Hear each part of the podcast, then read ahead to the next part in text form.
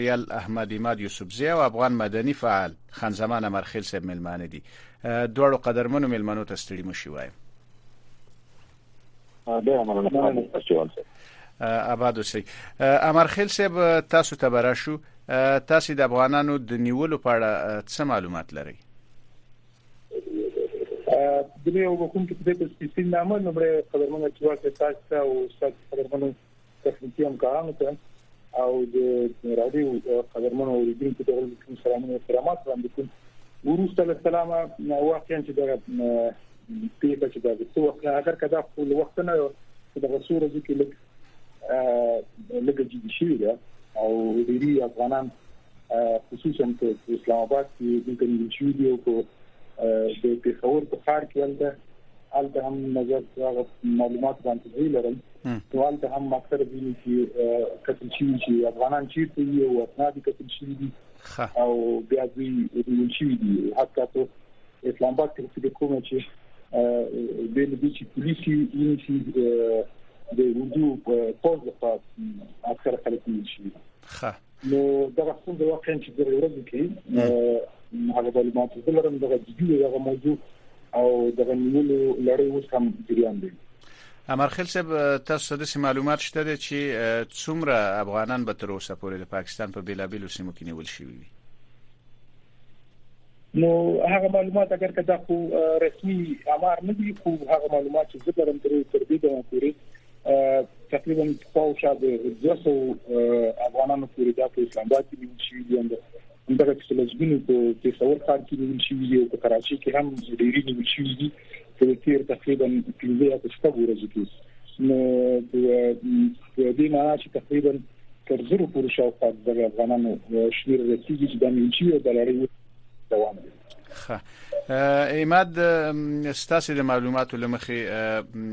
څه فکر کوئ څومره افغانان باندې ول شي وي تر اوسه احمد ارسلان صاحب ما سره د کمشنری دی تر دې دمه دا څه کوي خو سم معلومات نشته خو کوم چې سرچینه وایي هغه دا ده چې په خبر کې څنګه تاسو خبر وکړه ځینی اسناد لري او ځینی اسناد نه لري په ټول باندې یو شان کې پولیس واره چې کوم دی یا نور ادارو لا پورې کړی دی نو هغه وجه دا ده کوم چې دلته موږ ځای چې هغه خبره کې نو نو خو د شرط باندې هم تداویری دي چې ځینې کسان موږ داسې ونیو چې هر اسناد هم شته هغه دا رسته پریږدو خو دینه کوشش زموږ دا چې د معلوماتو ترلاسه کړو چې آیا هغه ته معلومات چې کوم ځای کې بغیر اسناد افغان وګړي چې کوم ځای موجود دي هغه ځایونه موږ ته وکړي نو یو پکې دا پوینټ چې کوم دا پکې یو هغه ډیولپمنت دی بل خبره کوم تاسو پوښتنه وکړه څومره افغانان د وخت کې نیول شوې دي نو کوي شمیرې چې تر هم نشته ځکه چې دا یو اون ګوینګ کریک ډاون دی مطلب دی وخت کې دا د پولیس او نور ادارو لخوا نه سمې په دې کاروای روان دي نو وخت پر وخت په دې کې شمیره سیوا کیږي په دې کې دا هم تاسو ته وایم چې افغان کوم چې ډیپلوماټان دي د وخت هغه هم د وخت خپل هلې ځلې کوم د کړي اسلام آباد او نور سیمو په کچه باندې ایماد تاسو ویل چې د افغانانو نیول په دې ورستیو کې زیات شوی چې تاسو ویل چې کرک ډاون شروع شوی دی پښتنه دا ده چې څه شی د دې لامل شو چې د افغانانو نیول په دومره غټه کچه باندې پیل شي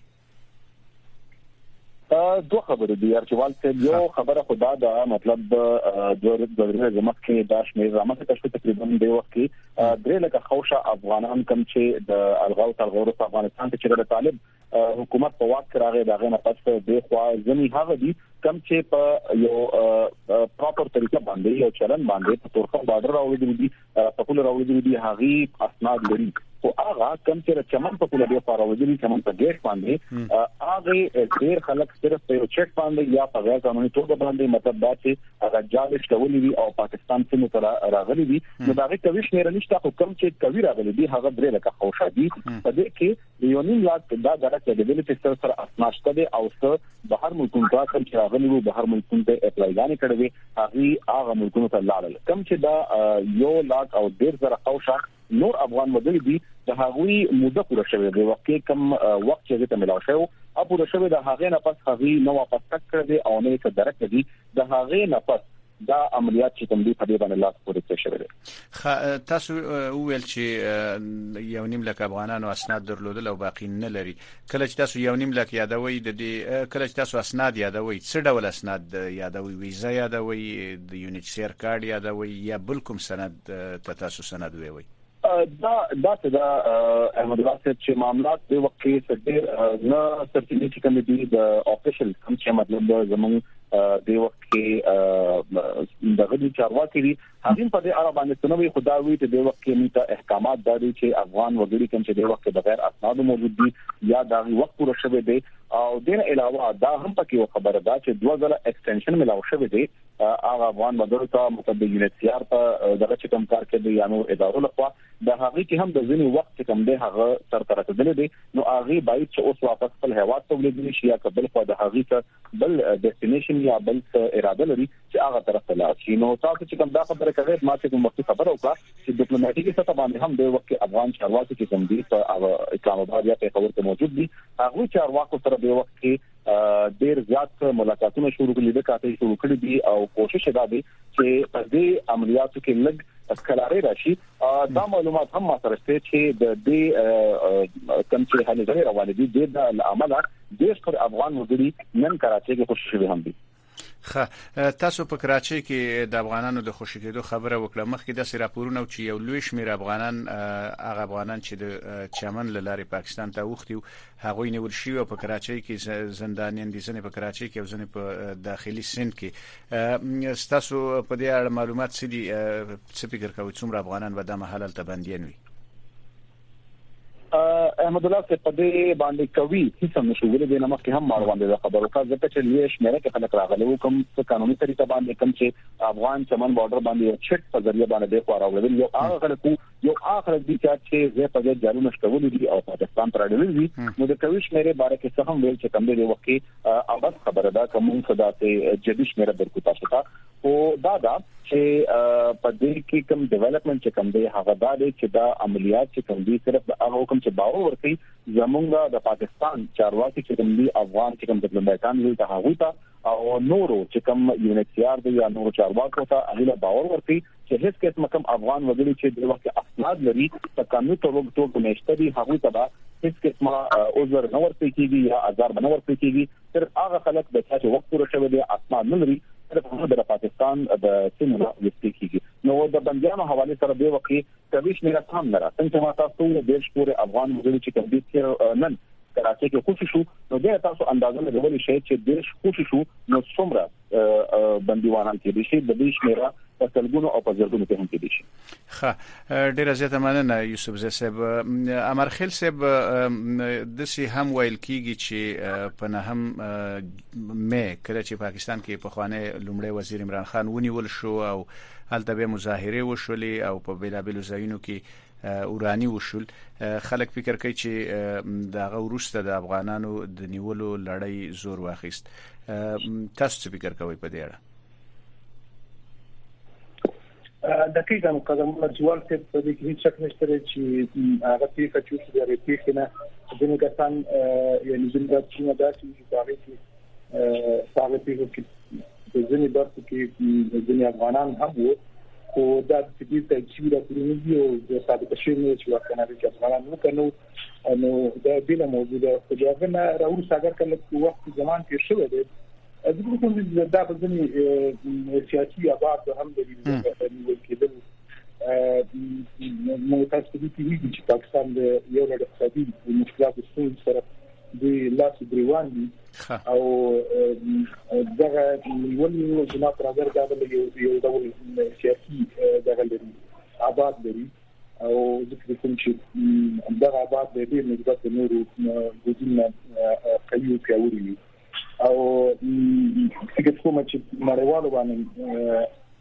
یو ډول فشار دی چې د افغانانو دلته پراته دي کلکینو دا د پاکستان اقتصاد ته یو ډول ضربه ده حال دا چې دا داسې نه ده چې د ضربه ځکه چې دلته کوم افغانان پراته دي خصوصا په پنجاب او اسلام آباد کې چې دوی ته تقریبا اکثریت ځینې داسې کورنۍ دي چې هغوی ته له بهره پیسې راځي چې دا موږ تاسو ته کیږي چې په اقتصادي په اقتصاد کې دا ریمیټنس چې کوم دی د باندې مشکل دی چې دا په اقتصاد کې ډېر مهم رول لري نو دلته دا چې ګرګونو افغانان شته دي چې دغه ته پیسې د باندې مرسته نو خو خیر په هر صورت باندې جن افغانان داسې نشته دي چې هغه د ویزو هغه موده چې دا پای ته رسیدلې ولا مرستې هم د دې توانایي د نو چې دوی د خپل نیزي تنبیه کړی او نظر په ځینې افواهات باندې او حقایق باندې چې هغه ټول افغانان چې دلته دي په افغانستان کې چې د اکثریت خلکو د ویزي په پیسو اخیستل او حتی تنبیه هم په ډیر پیسې په اوچته پیسو باندې کې د نو هغه فکر کوم د امر خیل صاحب ټلیفون قطع شو زمنګ همکار به هڅه وکړي چې امر خیل صاحب دوباره سټوډیو راولي خبرونه ته یوسف زی صاحب امر خیل صاحب یو خبر ته اشاره وکړه چې د افغانانو نیول کې د سیاسي اړخ ولري تاسو په دې اړه څه فکر کوئ د وخت کې دوه ډېر مهم چې کوم جزئیات دي په هغه باندې خبر روان دي د تاسو د امر کړی څه هم په څو اوقات نه هم وي په خو کې دا چې ځینې سیمو کې د معلومات راځي چې افغان وګړي هم په الغاو طالبانو کې کوم چې په وادانو باندې حمله وی هغه کې د کترتیا حوالې سره هم خبرې کېدې او دا وجه هم کېدې شي دا یو کوي امکان دی چې دغه د وضعیت افغانانو باندې افغان وګړي چې په موجود د نشته د پاکستان کې هغه باندې کړک ډاون شوی دی او په دې باندې هم خبرې اترې شوې دي استخبارات سره کوم سرچینو یو ځای دا چې نو هم معلومات چې کوم دي هغه دي چې موږ کې روانتا او د افغان وګړو په روپ کې افغان وګړي په خپل موجود وو په دغه سیمو کې د هغه نه پس په دې اړه باندې خبرې شروع شوې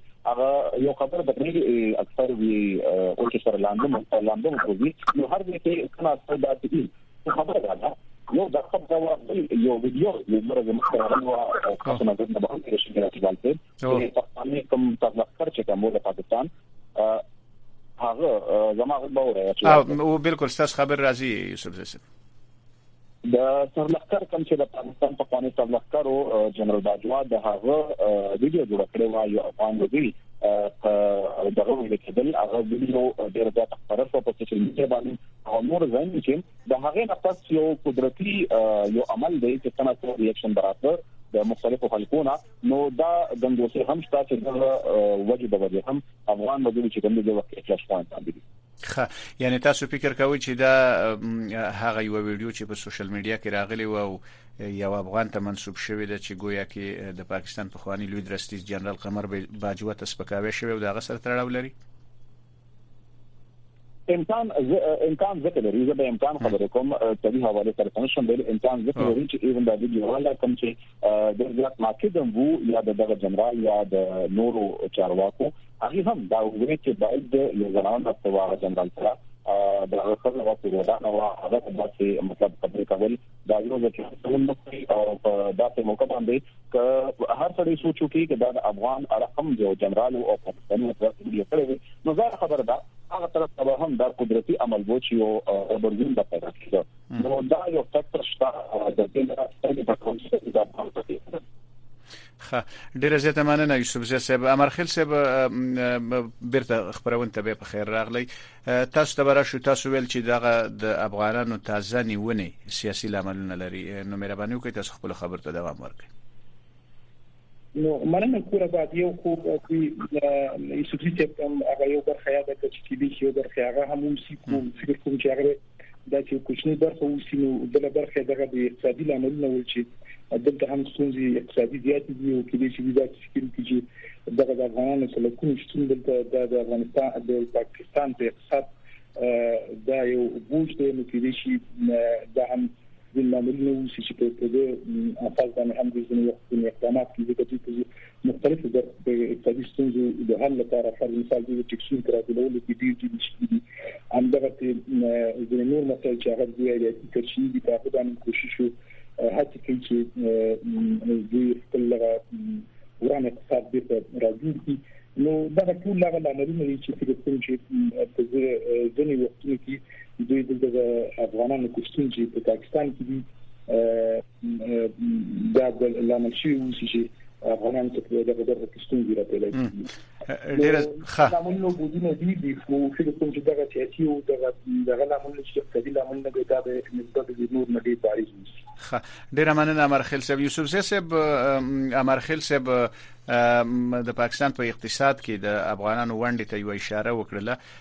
پخوا اټکلونه دا و چې الته په پاکستان کې مشت افغانان په میلیارډونو ډالر د پاکستان په اقتصاد کې الته پانګه چونه کړې ده د دې نه بر علاوه په دې ورستیو کې خاص کر دغه 2 2 نیم کالو کې هغه افغانان چې پاکستان کې مشت دی هغه ته د هغه ته د بهر ملکونو نه د دوی خپل خپلوان ډیر زیات روپۍ را لېږي او هغه دغه پیسې د پاکستان په مارکیټ کې بیرته لګي نو فکر کوي چې دغه اقتصادي موضوع د دغه حقایق سره سره به هم د افغانانو په زورولو کې رول لري ارچیوال څه په دې حواله تاسو یو روخانه اړخ ته ظاهر خبره ده اشاره وکړه چې افغانانو چې څنګه خپل روی دلته کې له دې دنه علاوه بهر ملک کې مېشته کم افغانان وګړي دي هغه خپل ورونو پاند ته دلته پیسې راځي یو بل اړه هم تاسو ته بل اړه دا دی چې د وخت کې د غونډې او د حواله دومره کاروبار روان دی په خبر اسلام آباد کې چې هغه اندازه تاسو نشته هغه کم صرف افغان وګړي نه ای پاکستانیان هم پکې په ویش مې راکې ککړ دي هغه تاسو اندازه دین او لګوي چې صرف د کویلې یا سکرو یا نور کاروبار هیڅ کله نو کاروباریان بوختي هغه د سترګو یا د ګوتو په اشارو باندې په زرګونو په لکونو ډالر په کروڑو ډالر د پاکستان پاکستان اقوا او د افغانستان د اقوا راړي د کم سرکاري هیڅ قسمه د وخت شمیرم سره موجود نه ده هم دغه وجه دا چې د پاکستان په حلقو کې هم د خبره کې دا چې پاکستان لویش د وخت ستونزه کومه ده هغه د هونډې او د حواله د کاروبار هم د یوروخان اړه هم شته بلکل دې کې شک نشته چې درې لکه افغانان یا لس لکه افغانان یا پنځه لکه افغانان موجود دي اي به فکرس کې کاروبار به کوي ګرځي به ګاډي ارته به کوي دا پیسې به غیر وړي او لږې د دلتانو د پاکستان د معیشت لپاره ښه خبره ده خو ګبل اړخ ته ورونو دا هم یو اړخ دی او دغه شان افغان خزانه ته هم کم د چې الته حواله ورناست دي یا پاکستان ته پیسې راځي د افغانستان خزانه ته هم په لوی شمېر باندې د وخت خطرات دي دا خبره ده یو کوي با د اقتصاد باندې په دې خبرې کېدې شي امر خیل صاحب ستاسو معلومات څه دي په خوا زیاتره افغانانو چې په پاکستان کې میشتو هغه د ځای خلکو چلن شکایت نه کاو همیشه ځای خلک په خونم یادول او دا غونه خوشاله او یوازنه شکایت د پولیسو څخه و آیا دغه د ځای خلکو چلن د افغانانو سره تغییر کړي که اوس هم د پخواب شانتي د افغانانو سره ښه چلن کوي اچوال څه زما په نظر باندې چې د ولسونو چلن اوس هم دومره توپیر چې پر رسنیو کې یا په سوشل میډیا او په دې کې ځینې وخت یادونه کیږي د هغه معلوماتو په بنیاد باندې زه لرم ولسونه اوس هم د خلکو سره ډیر همکار دي او اوس په ماغه کې مهربان دي ورسونه او خلکو سره چلن ډیر نیک دی ځکه دا دومره افغانان چې دلته راغلي دي اگر که د انشاء هغه دقیق ارقام خو زموږ لرم خو یو څو وخت مخکې چې ما د ځینې دوستان نه چې د انشاء کې کار کوي هغه هم پښتنه وکړه نو خواوشا د پنځه لکونو پورته د خلکو د انشاء لاره په پاکستان کې پراته دي نو د ټول خلکو ته د کورونو ورکول د ټول سره حتی ځینې سره کارګرونه سره په ګډه باندې روان کړي دي نو ولسي سره زما په نظر باندې هیڅ څه نشته یو خلک اوس پورې هم هماغه چلند د افغانانو سره کېږي د نن د شپږ کال مخکې چې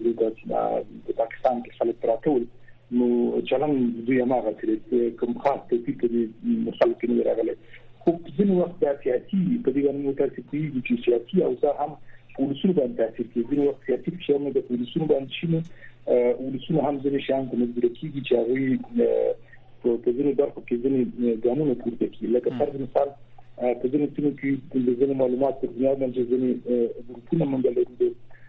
هغه افغانان چې په پاکستان کې اوسېږي نو ځینې وخت کورونه نه ورکوي او هغوی باندې د پورته دولتي مقامات له خوا فشار شي د دوی دقیق معلومات د هغوی ته ورکول شي او د هغې معلومات په بنیاد باندې هغه نه وروسته دي بیا دوی ته کورونه ورکول شي نو د شک نشته خو دا د خلک د سیل کې چې ګوندې ولسونه د دغه سره د افغانانو سره د چلند دغه شوی دی خو دا بالعکس د دې چې د دولتونو فشار دی ولسونه باندې او ولسونه د مجبور کړي چې خپل هغه برخود کې د خلکو د غوانو سره یو څه توپیر چلند وکړي نو خو په کل کې دا ستونزه نشته چې د خلکو د افغانانو سره کوم خاص د اعتبار در خور دي او ستونزې دي نشي او بیا هغه معلومات چې دلرم نسبت د پیښور نه په اسلام آباد کې دلته بیا د اته دولتي چارواکو هغه د خپل هم چې دی هغه خله نسبت د هغه نه او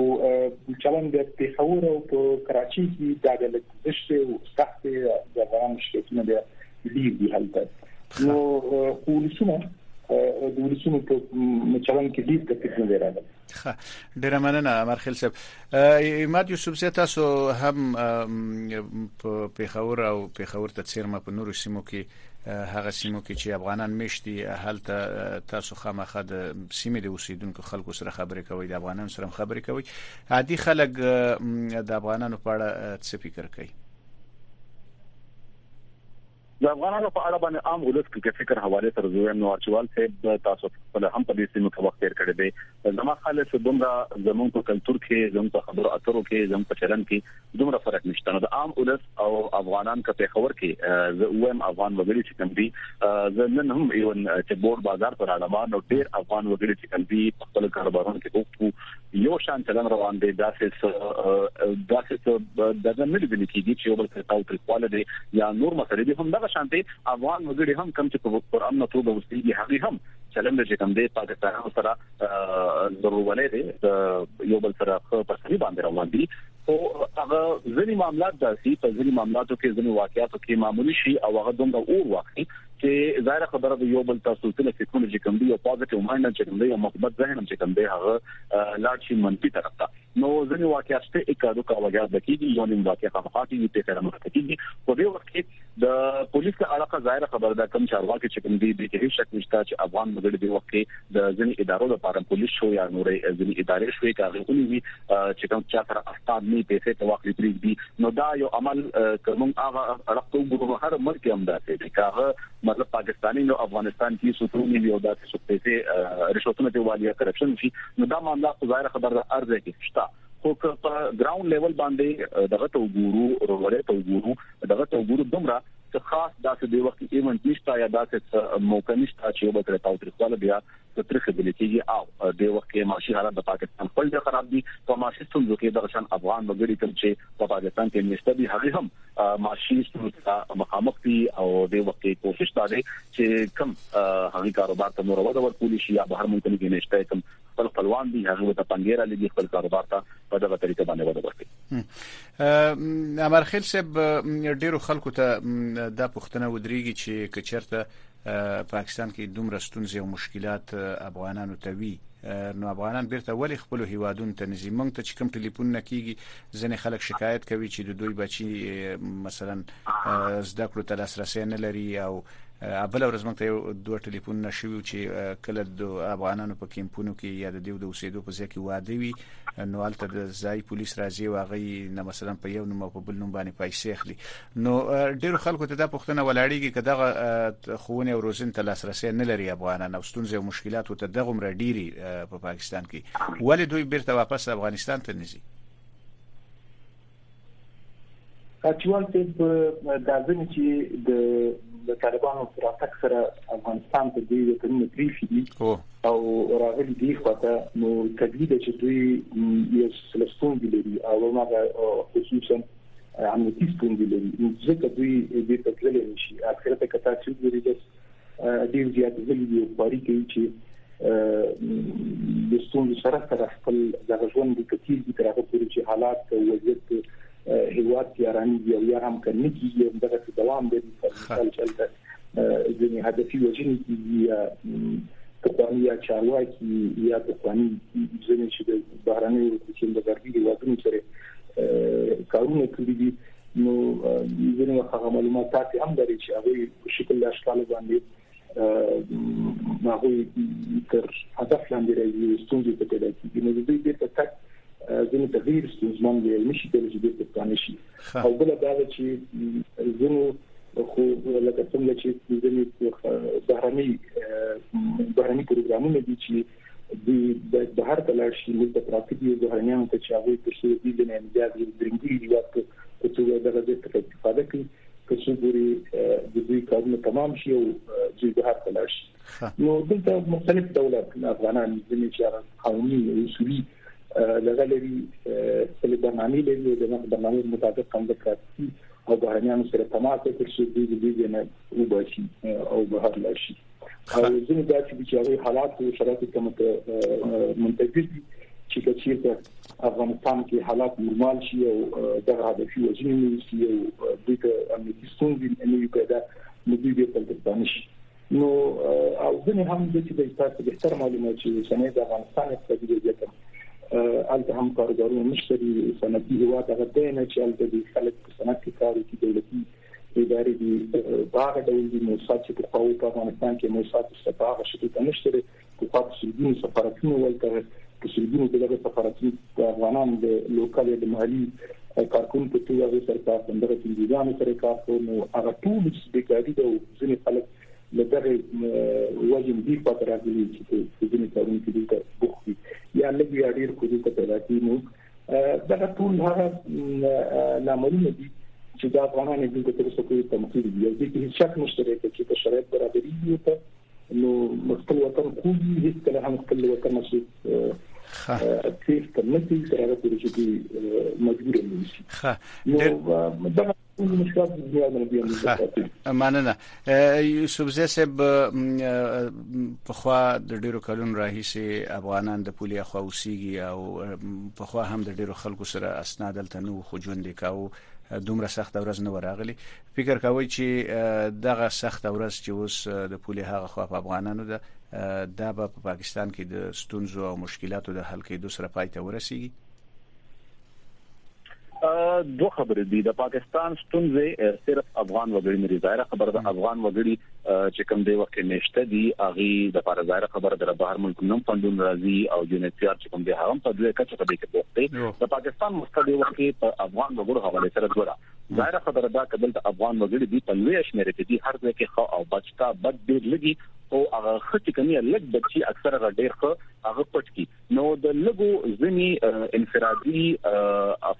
انفرادي نفر د وجې چې کوم داسې مسله وشي یا هدفي وجنه وشي یا نور څه مسله وشي نو ظاهر خبر ده هغه ټول کمیونټي چې کومه ده هر هیواد کې موږ وګورو که اروپا موږ وګورو که ارزه وګورو هر کمیونټي دا وکټم شي او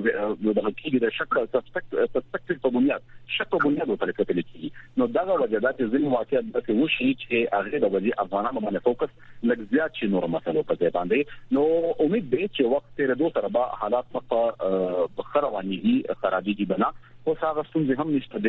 مخکې د جره پاکستان ته نګیلې وي یا نور مخکې به ظاهر خبره ده د افغان حکومت یو خپل دی وخت طالب طالب واکمن دي د خپل یو طریقې کار دی او پاکستان خپل یو طریقې کار دی خو ډیرو مسلو باندې کم څه د متکفه د دلته راتګ وو هغې ته ډېرې بنیادي مسلې چې کوم دي د هغې د هوارولو ډېرې هڅې شوې وي هغه پکې په ډېر انسټیټیوټ کې په مختلفو ادارو کې پریزنټینګ هم ورکړي وو خپل نقطه نظر هم وړاندې کړو پوینټ اف ویو ورکړو په ډېر ستونزو باندې نو ظاهر خبره ده چې دغه شان تګ راتګ چې کوم دي د سره مطالعه کیږي د پاکستان سفیر او دنه علاوه سپیشل انوای هغه باندې حمله شو او کابل کې افغانستان کې کابل وک جلال آباد دوه بخنه غواړم لکه کې خطا کېږم هلته حمله شو په هغه باندې هغه نه پته پاکستان تر او اوس واپس اغیلال دین علاوه سپیشل انوای خصوصي استاد چې کوم دی په پاکستان او افغانستان او پاکستان مسلو کې ډیر زیات مننه زیر خبر دی او اثر بولري ډیر زیات مننه آزاد خبري علي مادو شوبزه او مدني فعال خان زمان امرخیل صاحب ستاسو دواړو نه مننه کوم چې زموږ سره په خبرونه کې ګډون وکړل او خپل نظریات هم زموږ د اوریدونکو سره شریک کړل دا اوریدونکو نه مننه کوم چې تر اوسه پورې زموږ سره په خبرونه کې خو وختونه ولرئ